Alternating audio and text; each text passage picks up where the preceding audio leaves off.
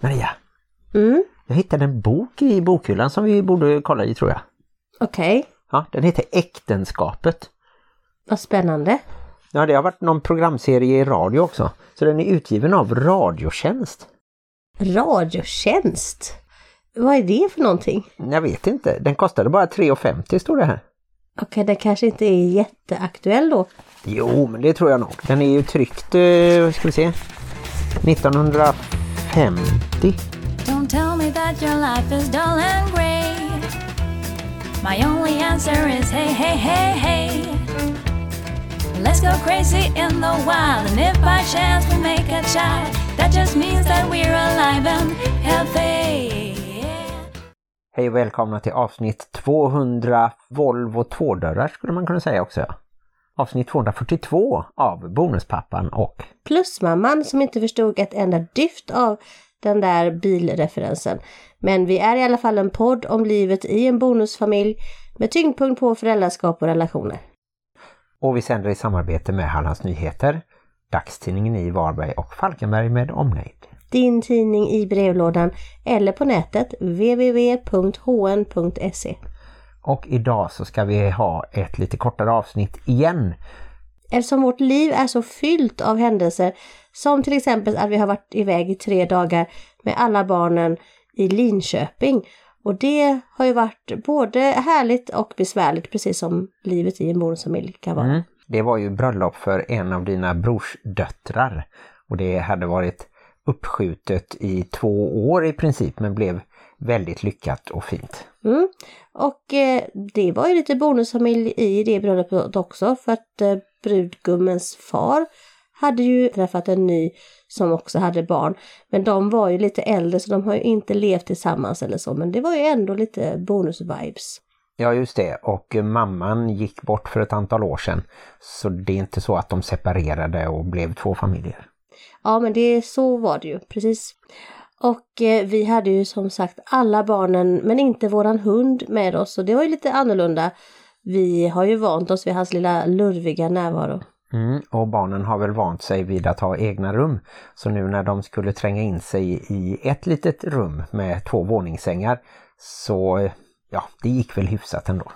Ja, alltså jag vet inte. Alltså ibland tänker man så här, ja ah, det ska bli så mysigt att åka iväg men vad är det som är så mysigt med att tränga in alldeles för långa ben i en liten bil som inte är så jätteliten men ändå blir väldigt liten när det ska in fyra tonåringar och en mamma och en packning och tre trummor Martin Erlandsson. Men de tog inte stor plats. Det var ju bara virveltrummor som var till ett litet gyckel där på kvällen och vi hade ju takbox. Så jag tror mer att det är så att den unga generationen kanske de har blivit vana vid att kunna få allting de vill direkt och framförallt att de ska kunna göra individuella val hela tiden. De ska aldrig liksom ställa in sig i ledet och få samma sak eller äta samma sak eller så utan det är maximal individualism som faktiskt inte fanns när vi var unga på samma sätt. Då var det mer att man stöptes i samma form på något sätt. Men är det positivt? Det låter inte positivt att vi ska alla stöpas i samma form. Men jag, jag förstår ju vad du menar och eh, just det gör ju det lite svårt i en ombildad familj speciellt tror jag. Att alla ska få sin vilja fram. Mm. Nej, jag tror att det är på gott och ont. Jag tror att det kan finnas fördelar till exempel med att ha skoluniform som vissa länder har. För då blir det ingen konkurrens och det blir ingen hets med märkeskläder och så vidare. Och samtidigt så kan ju det vara väldigt obekvämt och kännas väldigt löjligt i ett modernt samhälle att man ska ha samma kläder. Men jag tror samtidigt att... Samma kläder har varit jobbigt. Det hade varit väldigt trångt i ett par byxor Ja. om alla ska vara där inne. Likadant, jag säger fel eh, även om jag har varit journalist i eh, snart 30 år så säger jag fel ibland. Men eh, vad jag menar är att jag tror att man kan få en lagkänsla av att göra samma sak eller ha samma kläder. Det har jag märkt till exempel i studentorkestern när vi dundrar fram och är 20-25 personer och alla har en röd jeansväst med medaljer och en vit ful mössa med horn på då i alla hornen. Då kan man liksom komma undan genom att gömma sig i mängden där och man vågar göra saker och det finns en väldig kraft, en, en laganda. Samma i ett fotbollslag, man har samma kläder och samma mål och sådär. Och Martin gömmer sig i det förflutna när han minns tiden som svunnit. Men vi hade ju lite lagkänsla på bröllopet för vi hade en färg, ett temafärg, vår familj, som var grön. Men då var det ändå en som vägrade ha grönt för det passade inte med hans blå kostym. ja, och jag hade väl lite guld i alla fall. Jag hade inte heller så mycket grönt. Nej, men vi damer hade i alla fall grönt. Och jag hade för att göra alla så förvirrade som möjligt iklätt mig en koreansk traditionell dräkt, en hanbok. Ja, just det. Ja, den var fantastiskt fin. Även om det då kanske blev förvirrande för vissa eftersom du är från Falkenberg egentligen. Ja, det blev lite sådär när de frågade, jaha, är det en direkt från Thailand var ju ganska så här lätt att gissa på eftersom jag är adopterad från Thailand. Jag nej, den är koreansk. Mm. Och de bara, aha, varför? Och så tänkte jag att, ja, varför inte? Ja, den var fin. Ja, jag känner mig fin. Jag känner mig också som en gigantisk chockrosa marshmallow, men that's me. Mm. För att avrunda det här, mina tankar om individualismen, så tror jag att man kan se det på flera sätt i samhället också. Till exempel att väldigt få engagerar sig i olika ideella föreningar eller i politiska partier och så. Och det är vanligare då att man väljer till exempel att ja men jag tycker att klimatet är väldigt viktigt. Då kan man demonstrera bara för det. Eh, vi kan gå i Pride-festivalen men vi går inte in i ett parti eftersom vi inte tycker att alla frågor som ett visst parti står för kanske passar oss och så vidare. Så att man plockar lite från en stor buffé av åsikter och aktiviteter och då kan det plötsligt vara svårt även för syskon att samsas i en liten bil eller i ett litet rum. För alla vill till exempel lyssna på sin egen musik. Förr så lyssnade man på bilradion eller på ett kassettband som det fanns när vi var små. Alla satt inte med hörlurar till exempel. Men vi kan ju tipsa om det då i bonusfamiljen det är att ni alla har Spotify tillsammans, sån här familjespotify. Och så kan man göra en gemensam kö som funkar då i radion.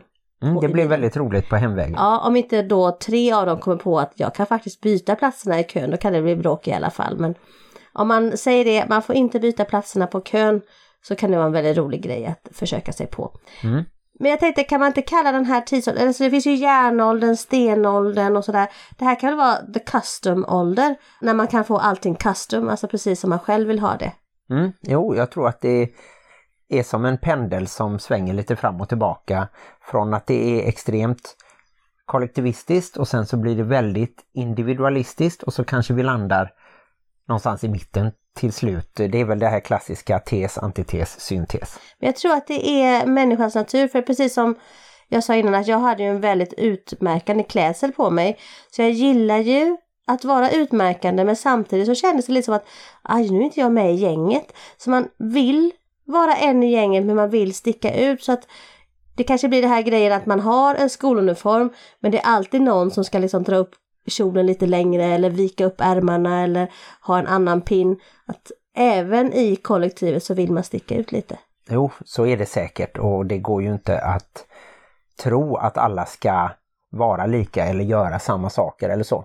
Men jag, jag tror att det kan vara en nackdel om det blir så extremt att man liksom känner att man måste välja något annat, att man hela tiden måste gå sin egen väg. Det kan ju faktiskt vara så att om man känner sig utanför då kan man hitta en styrka i att bli ännu mer udda så att säga.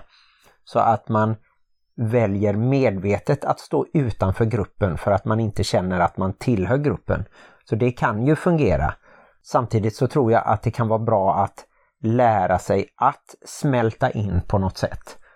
Ja, och speciellt om man ska bilda en bonusfamilj av två redan etablerade familjer, då är det nog vettigt att hitta gemensamma punkter och nya traditioner och saker som liksom är vi.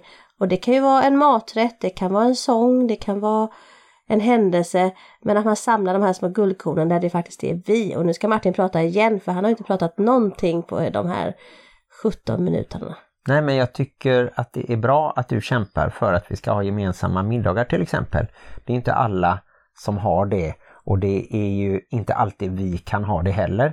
Nu har ju dessutom äldsta dottern flyttat hemifrån och kommer kanske och äter här en gång i veckan som Hon mest. vill komma oftare har jag förstått. För att det är inte så roligt som det ser ut att sitta hemma själv och laga mat. Att köpa mat trodde jag vi köpa skulle mat. säga. Nej men både köpa och laga mat. Men i alla fall, jag tänkte bara kort fråga dig så här. Nu när vi var på bröllopet, nu har ju vi varit i släktsammanhang flera gånger som eh, bonusfamilj och familj. Men det här var ju ändå lite nya människor. Var det speciellt att du är bonuspappa? Presenterar du dig på ett speciellt sätt eller känner att jag går all in, det här är min familj, de vet inte vilka vi är? Nej, det var nog olika faktiskt. Jag pratade rätt mycket med två av dem som satt mitt emot och en var från Italien och hade vuxit upp i liksom en storfamilj med flera generationer och den andra var del av brudgummens släkt då som hade förlorat sin mamma men fått en bonusmamma som ändå inte kändes som en bonusmamma. Så via podden kom vi in och pratade lite om det. Men sen vet jag att jag mest presenterade mig som att jag var gift med brudens faster. Och då är det ju mer våra barn eller jag tror att många tänkte att jag var den biologiska pappan. Och det får de gärna göra, jag har inget emot det. Det kan ju nästan kännas eh, trevligt att bli inkluderad på det sättet. Ja men så var det nog för mig också att jag sa det här är min dotter och det här är min son och, och här är min man. Ja, Så att det blev inte att jag berättade att de hade annan pappa och sådär. Men jag tänkte en annan sak när det gäller bonusfamiljer. Det finns ju mycket traditioner i bröllop. Det är så här man ska sitta till vänster om man känner bruden och till höger om man känner brudgummen. Och, och honnörsbordet har sin bestämda ordning också egentligen. Hur blir det då när man är en bonusfamilj som ska gifta bort ett barn? Vilka ska sitta till höger och vänster om bruden och brudgummen den dagen som kommer en dag? ja men det får vi ju se. Det borde ju finnas experter som eh, kan tipsa om det, att man kan läsa på lite. Och det går ju till exempel att sitta mitt emot också och utnyttja de platserna. Det gör man väl normalt inte på ett honnörsbord för att man ska kunna se lite så utan jag tycker att eh, när den dagen kommer så löser vi det på bästa sätt. Jag glömde faktiskt att se vem som satt bredvid min bror. Vem satt bredvid min bror? Jag tror faktiskt att det var brudgummens så kallade bonusmamma då, eller rättare sagt hans pappas nya sambo. Ja. ja, men det är spännande. Det är klart att jag fick tankar på hur framtiden kommer att se ut. Jag har ju som sagt var två pappor till mina fyra barn. Och med den ena pappan har jag egentligen inga problem med att en dag försöka samarbeta runt ett bröllop. Det kommer säkert att bli så att han sätter sig i baksätet och inte har så mycket att säga om själva bröllopet. Men jag, jag känner att där kommer det att funka. Men sen så har jag ju en pappa där det känns som att hur ska vi ens kunna vara i samma lokaler? Och hur skulle det bli för mitt barn då? Och är jag den som ska bita i det sura äpplet och bita ihop? Och det borde man kanske tycka att jag borde. Men det är långt kvar tills dess. Men det är klart att jag har tänkt på det under de här dagarna när det har varit i bröllopstankar. Och vet du hur jag tänker? Nej, jag vet inte hur du det? tänker. Då tänker jag så här att man gifter sig när man är vuxen och då kommer det barnet som det handlar om förstå lite hur det har varit och du kan prata med det barnet på ett väldigt öppet sätt och säga att för mig blir inte detta en dag att fira om det blir ett bröllop som är på det sättet med de traditionerna. Men det kan ju inte heller bli att det ska handla om mig. Alltså nu när vi var här, det var ju en fantastisk dag. Fantastisk dag fylld med kärlek och skratt och, och sånt. Och jag vill ju inte ta ifrån mitt barn chansen att få det, tänker jag. Nej, men vi vet inte alls hur det ser ut, vilka personer som i så fall skulle vara med på ett sådant bröllop, vilka som lever och är närvarande i barnens liv. Vi vet inte vem det barnet som då är vuxet kommer att gifta sig med. Hur ser den släkten ut? Är det någon som bor i Sverige? Kommer det vara i kyrkan eller kommer det vara borgerligt? Eller Kommer det vara i rymden eller kommer det vara under havet? det är ju faktiskt inte alla som gifter sig heller så att vi kan lugnt bara avvakta och så kommer det att lösa sig på Kommer ett vi bra att sätt. bjuda in folk från yttre rymden? Hittat intelligent liv på andra planeter och blivit kompisar med dem? Så skulle det kunna vara också. Man vet aldrig där i framtiden. Men det hade varit väldigt intressant faktiskt om man hade kunnat göra någon slags undersökning. hur det ser ut för barn som har skilda föräldrar. Om de kanske på något sätt procentuellt sett gifter sig mindre, alltså de gifter sig kanske inte med stora bröllop och sånt. Det hade varit intressant att göra en undersökning tänker jag. Vi skulle kunna googla också och se om det redan har gjorts någon sån undersökning. Det är faktiskt inte omöjligt att det redan finns. Ja, men jag tror att man måste ha lite engagemang för att ens komma på att det ens skulle vara en undersökning. Mm, kanske. Jag tror också att det skulle kunna vara så att man har ceremonin bara i närvaro av vittnen. Så hade ju till exempel min farbror och faster och sen en av deras två döttrar. De gifte sig med bara några få vittnen och inte sina föräldrar. Sen så skulle man kunna ha separata fester, till exempel då en för vissa delar av släkten och en för kompisar eller för andra delar av släkten. Och då skulle man kunna lösa det så att två personer som absolut inte mår bra av att träffas separeras lite. Mm. Jag tror att hade det varit jag som hade haft föräldrar som absolut inte kom överens, då hade jag säkert sagt så här, nej det här är min dag, ni får komma om ni kan komma överens, eller så får ni stå över helt och hållet. Mm. Så hade jag nog sagt. Och jag får acceptera ifall det är så min dotter säger en gång i tiden. För att det är ändå hennes liv och min fejd med hennes far ska ju inte behöva påverka det. Kommer att påverka hennes liv självklart. Men eh, hon ska inte behöva göra val utifrån mig tänker jag också. Nej, så är det. Så är det. Men eh, det var intressant att komma in på det här med bröllop och eh, bonusfamiljer för det är nog inte en helt enkel nöt att knäcka alltid. Det är inte så att alla älskar varandra och vill, vad är det du brukar säga, fläta varandras hår. Ja, och skriva gemensamma sånger och ha det allmänt trevligt. Men vi hade ju en gäst, Jenny Klebom, vars då bonuspappa och originalpappa, om man kan säga så, de framförde ett gemensamt musikstycke på hennes bröllop. Just det, det var avsnitt 176 har jag hittat. Och eh, den ena var väl operasångare och den andra var tonsättare tror jag. Ja, det var ju maffigt. Mm. Men det kommer kanske inte hända. Fast i och för sig du och Anders kanske kan framföra ett litet gyckel. Det kan vi säkert göra. Jag kan hitta på något och så kan han få vara med och dansa lite till exempel. Ni är så fruktansvärt olika. Jag tänkte på det när du tog fram eh, trummorna där och hade lite spex på bröllopet. Att det skulle ju Anders aldrig någonsin göra. Nej men det är väl bra att man kan vara olika. Ja, och barnen var ändå nöjda. De skämdes inte. De tyckte att du skötte dig väl. Mm. Det Ja. var härligt. Ja men det kan vara kul. Vi får se vad framtiden säger och ifall den här podden finns kvar då när något av våra barn gifter sig. Mm. Men om ni har några roliga berättelser där ute från era bonusfamiljer och äktenskap och annat så hör gärna av er till oss och berätta det på våra sociala medier eller våran mail. Just det, bonuspappan.plusmamman gmail.com Ja, och så vill jag bara berätta att vi gifte oss 2019 och sammanflätade vår bonusfamilj på ett fint sätt. Och det har ju ändå betytt mer att vi är en familj, tycker jag. Mm. Och jag tyckte det var väldigt fint också att vi hade med oss alla våra fyra föräldrar och att våra två bröder var toastmasters tillsammans. Ja, och att min bonusson sedan tidigare var där också. Just det. Väldigt fint, väldigt vackert. Och då ska vi gå vidare och äntligen få öppna den här spännande gamla boken Äktenskapet.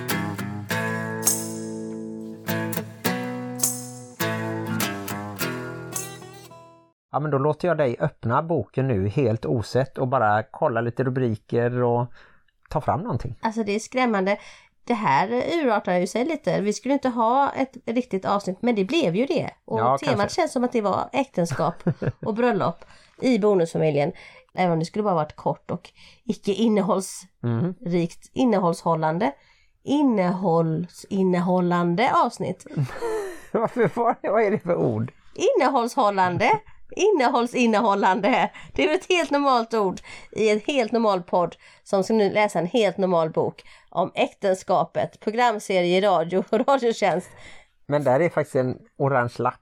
Undrar vad, vad den ligger. Kan vi inte öppna Alltså den jag undrar var på den? boken kommer från överhuvudtaget. Ja, från dina föräldrar Ja, kanske? jag vågar inte öppna, Öppna den på lappen. På lappen. Det här var en lapp. Lappen är också jättegammal ser det ut som för att det är en litet reklamblad där någonting kostar 9,90 hektot. Men det måste ju vara viktiga sidor där då, detta. Viktiga sidor om manlighet står det här. Jaha. Den oerhört viktiga själsliga sidan av den personlighetsgemenskap som i lyckliga fall just i sexualakten når sin kulmen. Jag tänkte att det var väl väldigt att slänga sig rakt in i någonting som vi behöver är, läsa. här är en lapp till. En lapp till. Impotens och onani. Vad är det här? Jag Jag, trodde vet de var mycket sedligare på 1950-talet. Mm. Ja, nej men de var... Här skräder vi inte ord. Nej, läs- här går vi direkt någonting. på impotens och onani. Okej, många bekymmer som männen har för sina sexualfunktioner visar sig vid närmare undersökning omotiverade. Mhm. Ofta kommer en dold osäkerhetskänsla i dagen då en tillfällig oförmåga av helt normal och betydelselöst slag av vederbörande uppfattas som ett avsteg från den nyss skisserade, vad är det ens för ett ord? Nyss skisserade mansidealet. Speciellt hos yngre män är exempelvis en benägenhet för för tidig utlösning mycket vanlig, liksom också en viss grad av verklig potenssvaghet i samlagssammanhang. Jag tycker att vi lämnar kapitlet impotens och onani och bläddrar snabbt vidare och framåt eller bakåt. Jag, jag tittar på innehållet här känner jag istället. Här är då innehållet, först kommer ett förord, sen är det gör kärleken möjlig, i hamn, samtal om det nygiftas problem. Och sen är det den sexuella samlevnaden, tjat, en liten äktenskapsscen av Sune Bergström. Äktenskapets vardag, det tycker jag låter bra. Eller de stora fallgroparna, vad ska vi ta? Äktenskap i kris. Men en vardag. En vardag, ändå- 69, det tycker jag låter som ett bra nummer. Du är ju född 69. Ja, det var det du menade. tänkte inte på någonting annat Martin. Nej, självklart inte. Även om du verkade tycka det när du skrattade sådär. Äktenskapets vardag. Är vi verkligen så tråkiga hemma? Ska det regelbundna vardagslivet behöva bli så slentrianmässigt att vi glömmer bort att vardagen med arbete och möda ändå kanske är det rikaste och underbaraste livet har att bjuda? Vardagen i en genomsnittsfamilj är ingen stillastående idyll. Det är ett stycke levande liv. Det betyder att den är full av stora och små problem, av spänning och irritation, av förhoppningar och besvikelse, ibland också av ogrumlad glädje. Har du känt någon ogrumlad glädje nyligen Martin? Ja, det tycker jag nog. Ja, ja men det är fint. Jag borde börja använda det ordet oftare, ogrumlad. Det är klart att man nöts mot varandra i en familj. Man bor trångt. Det gör ju de flesta. Man måste samsas omkring allt som hör det dagliga livet till. Man arbetar, äter och sover och har en stor del av sin fritid inom hemmets fyra väggar. Allt det där är inte så lätt att klara, åtminstone inte utan en del trassel. Småtjatet är en av hemlivets fiender. Man kan komma in i en trall då tjatet på något vis blir det naturliga sättet att umgås.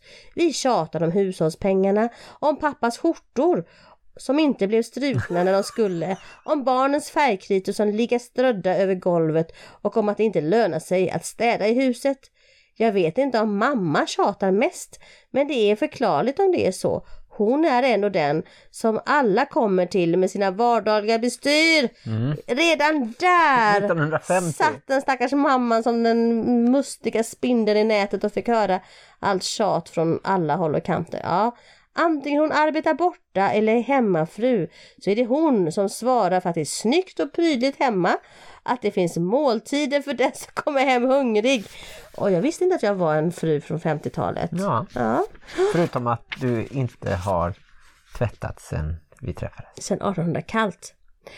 Men då ligger tjatet där som en lurande fara. Inte bara för hennes eget lugn utan också för hennes anseende inom familjen. Den som tjatar ofta bryr sig till slut ingen om att höra på.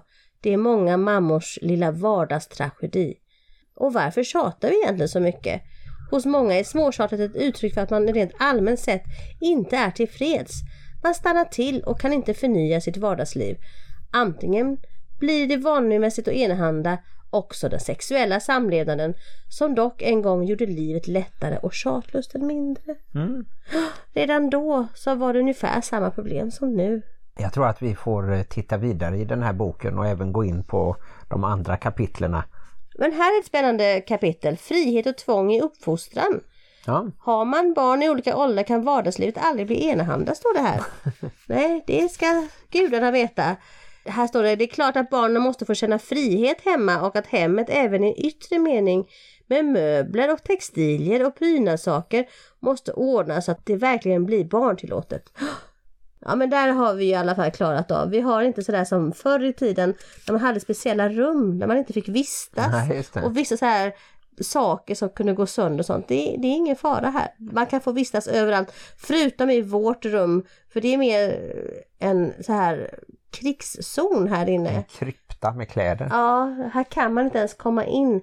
Det är inte så att det är för att det är så fint här som inte barnen får vistas här. Det är snarare för att de kanske kan ramla under någonting som ramlar över dem. Ja, jag vet inte om den här boken är någonting som vi behöver ta med oss i vårt äktenskap men det var ändå roligt att öppna den och veta att även på 1950-talet så var impotens och onani ett stort problem i olika äktenskap. Mm. Och det är ändå eh, en del doktorer som har varit med och skrivit här. Doktor Yngve Holmstedt och doktor Gösta Harding. Det var inte Harding som skrev om sexuella samlevnaden utan det var Harding har inget problem med sin. Yngve Holmstedt. Nej men vi ska inte klanka ner på den här boken. Jag tror säkert att vi kan hitta några guldkorn i den. Det var bara att det var så roligt att läsa lite. Du kanske också ska slå i den en gång innan vi stänger den för alltid. Jag hade tänkt att vi skulle ha ett helt avsnitt om den men det kommer vi nog inte ha. Så jag kan ju... Där, titta här, det är till och med osprättat. Så den har inte använts hela boken. Utan det är mest de sexuella sidorna som har här ska vi se då. Moral, sexualitet och anpassning. Då är det kyrkoherde Erik Arbin som skriver och nämner bland annat Sigmund Freud. Det verkar ju väldigt farligt. Freud och en kyrkoherde. En erotisk expansionslust finns naturligtvis hos alla människor mer eller mindre. Frågan är bara om man ska låta den härja fritt eller ännu friare än vad som nu är fallet. Kanske vinner man en viss erotisk lust men istället förlorar man i personlig gemenskap. Dr. Linde fattar vidare det legala äktenskapet som en tvångströja. Äktenskapet kan ses ur två synvinklar, dels som ett moraliskt av samhället godkänt ideal, dels som en juridisk institution och så vidare och så vidare. Eh, ja du, hur ser vi äktenskapet? Ser vi det som moral eller eh, Vad var det juridik? som en moralisk sexuell tvångströja? Nej, jag vet inte. Jag ser ju äktenskapet mer juridiskt än moraliskt. Vi var ju ihop även som ogifta. Jag kan vi ser, väl avslöja? Jag ser äktenskapet som arom aromatiskt. som amoröst snarare. Jaha, Ja, alltså jag gillar att vara fru. här var också en, en rolig liten rubrik. Småbarnslov för fäder. Undrar vad det är, om vi kan hitta något roligt här. Småbarnslov betyder att man har lov med sina barn eller att man slipper sina barn, att man har lov från dem. Kvinnan blir genom sin biologiska bundenhet tvingad att mycket mer än mannen leva kvar i en slags atavistisk familjeform 10 à 15 år av sitt liv men hon blir inte under sin uppväxt och utbildning inriktad på den livsformen. När hon går där hemma i sin trånga cirkel med småbarnspassning och tvätt och hushållsbestyr är hon också hela tiden medveten om denna andra värld som är mannens väsentliga tillvaro.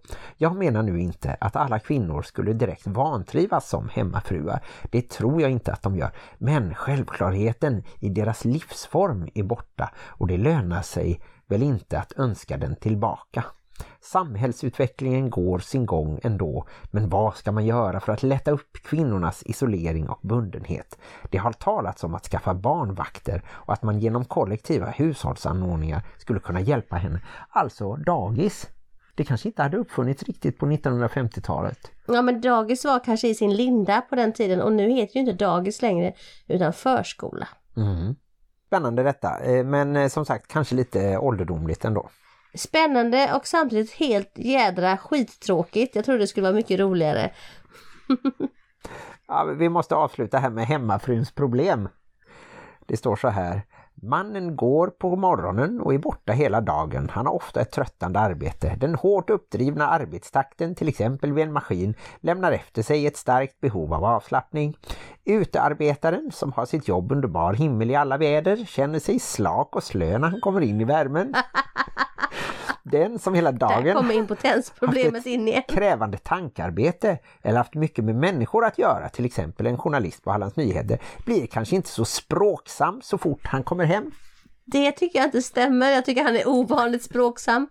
Hustrun i sin tur har arbetat där hemma hela dagen. På morgonen tar det tid för henne att plocka reda på alla mer eller mindre kringslängda tillhörigheter. Hon bäddar och städar, ibland med en ihärdighet som om just städningen var det mest väsentliga i livet. Hon tar itu med strumpstoppning och strykning, sköter om barnen, gör inköp och planerar middagsmålet. Kanske hon inte talar med någon mer än barnen under hela dagen. Hon väntar på att att mannen ska komma hem så att hon kan få det lite trevligt, någon att prata med, någon att gå på bio med och så kommer mannen hem, är trött, läser tidningen och vilar på soffan. Så surnar hon till och han tycker att hon inte unnar honom att vila efter en lång dags arbete. Så är det precis för oss, så är det varje dag här hemma. Men här... tänk att det ändå är nästan så.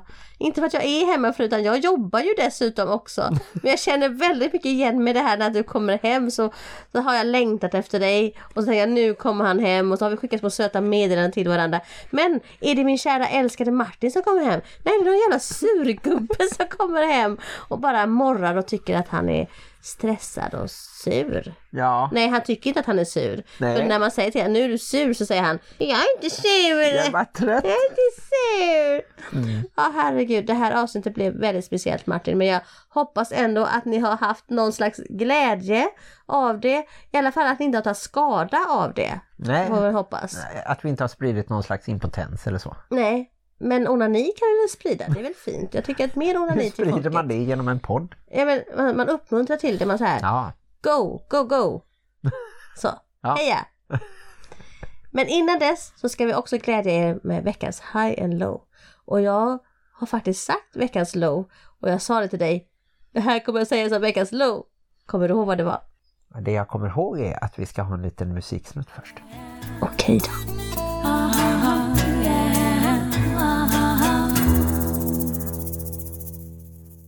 Ja, jag tror kanske att din low är när det är dålig stämning med barnen. Men ja, alltså det är också en low. Men jag minns faktiskt när jag sa så här att har du en gång skilt dig från dina barns far så är du för alltid ensamstående. Ja, det var en low under bröllopet. Ja, jag kommer inte ihåg varför jag sa så. Men det var så jag kände precis då. Och eh, det ligger en del sanning i det. Och en del så här att det ploppar upp när jag är trött och eländig. Men det är en low tycker jag ändå att vi som ändå har, vi kämpar ju på och vi tänker och funderar och vi är lagom kloka människor båda två. Vi har träffat massor av kloka människor och ändå så går det inte så friktionsfritt som man skulle kunna önska sig alltid i den ombildade familjen. Och det har ju sina randiga och rutiga och kulminerar ibland ut i den känslan att jag för alltid har blivit av med den här känslan av att kämpa tillsammans med någon för våra barn. Mm. Mm. Jag kan eh, hålla med om det och jag kan ha en low som är lite att jag också tycker att det blir jobbigt de gånger som du och jag faktiskt är på samma sida och att vi faktiskt anstränger oss för barnen eller för familjen och så känns det som att det inte är så stor mening i det. När det nästan blir som något negativt att vi ska hitta på någonting eller att vi ska göra någonting som vi tror att alla tycker är roligt. Det är inte särskilt ofta som tur är. Men det fanns ju Det är några inte så sådana. ofta vi gör någonting som kan ögonblick. vara roligt. Eller som helst försöker ha roligt. Nej men ofta tycker jag nog att de initiativen vi tar med att gå på bio eller gå på restaurang eller att åka till Göteborg eller så blir eh, väl emottagna. Ja, så då ska vi väl ta veckans high också och veckans high är samma egentligen. Att det är väldigt mysigt när vi ändå kommer iväg och gör någonting allihopa tillsammans. Men det är väl så här i efterhand så rekonstruerar jag det som att det var mysigt. Eller var det mysigt? Jo men det tycker jag och framförallt så tror jag att jag blir glad när jag känner att vi sex stycken då kan lite hålla ihop och tycka samma om någonting Även om det är att vi är emot någon annan eller något som har hänt eller sådär. Det kan ju vara någon liten sak som någonting som är dåligt med någonting, inte en person så. Det skulle kunna till exempel vara om det är smutsigt under en hotellsäng. Då kan man liksom vara lite sura på det tillsammans. Eller sådär. Men överhuvudtaget så tycker jag att hela helgen och resan, jag var lite trött av att köra bil 70 mil fram och tillbaka sammanlagt och så. Men jag tycker ändå att det gick efter omständigheterna bra. Vi får ju inte tro att alla är på topp hela tiden. Men just de där ögonblicken när man liksom kände att ah, men vi är på samma sida, vi tycker samma om det här. Då svetsar man ihop sig lite. Mm. Så veckans high är att göra saker tillsammans och veckans low är att göra saker tillsammans. Så kan det faktiskt vara i en bonusfamilj och eh, som sagt vi eh, fortsätter med podden en gång i veckan så länge vi orkar även under sommaren och snart kommer det en intervju. Vi vågar inte utlova att det blir nästa vecka men det kan bli då. Alltså det blir alltid en podd men det blir inte alltid att den är genomtänkt och eh, fantastiskt informerande och upplyftande och klok. Utan ibland kan den bara bli så här totalt flummig och eh, man lär sig absolut ingenting. Nej men det är också okej. Okay.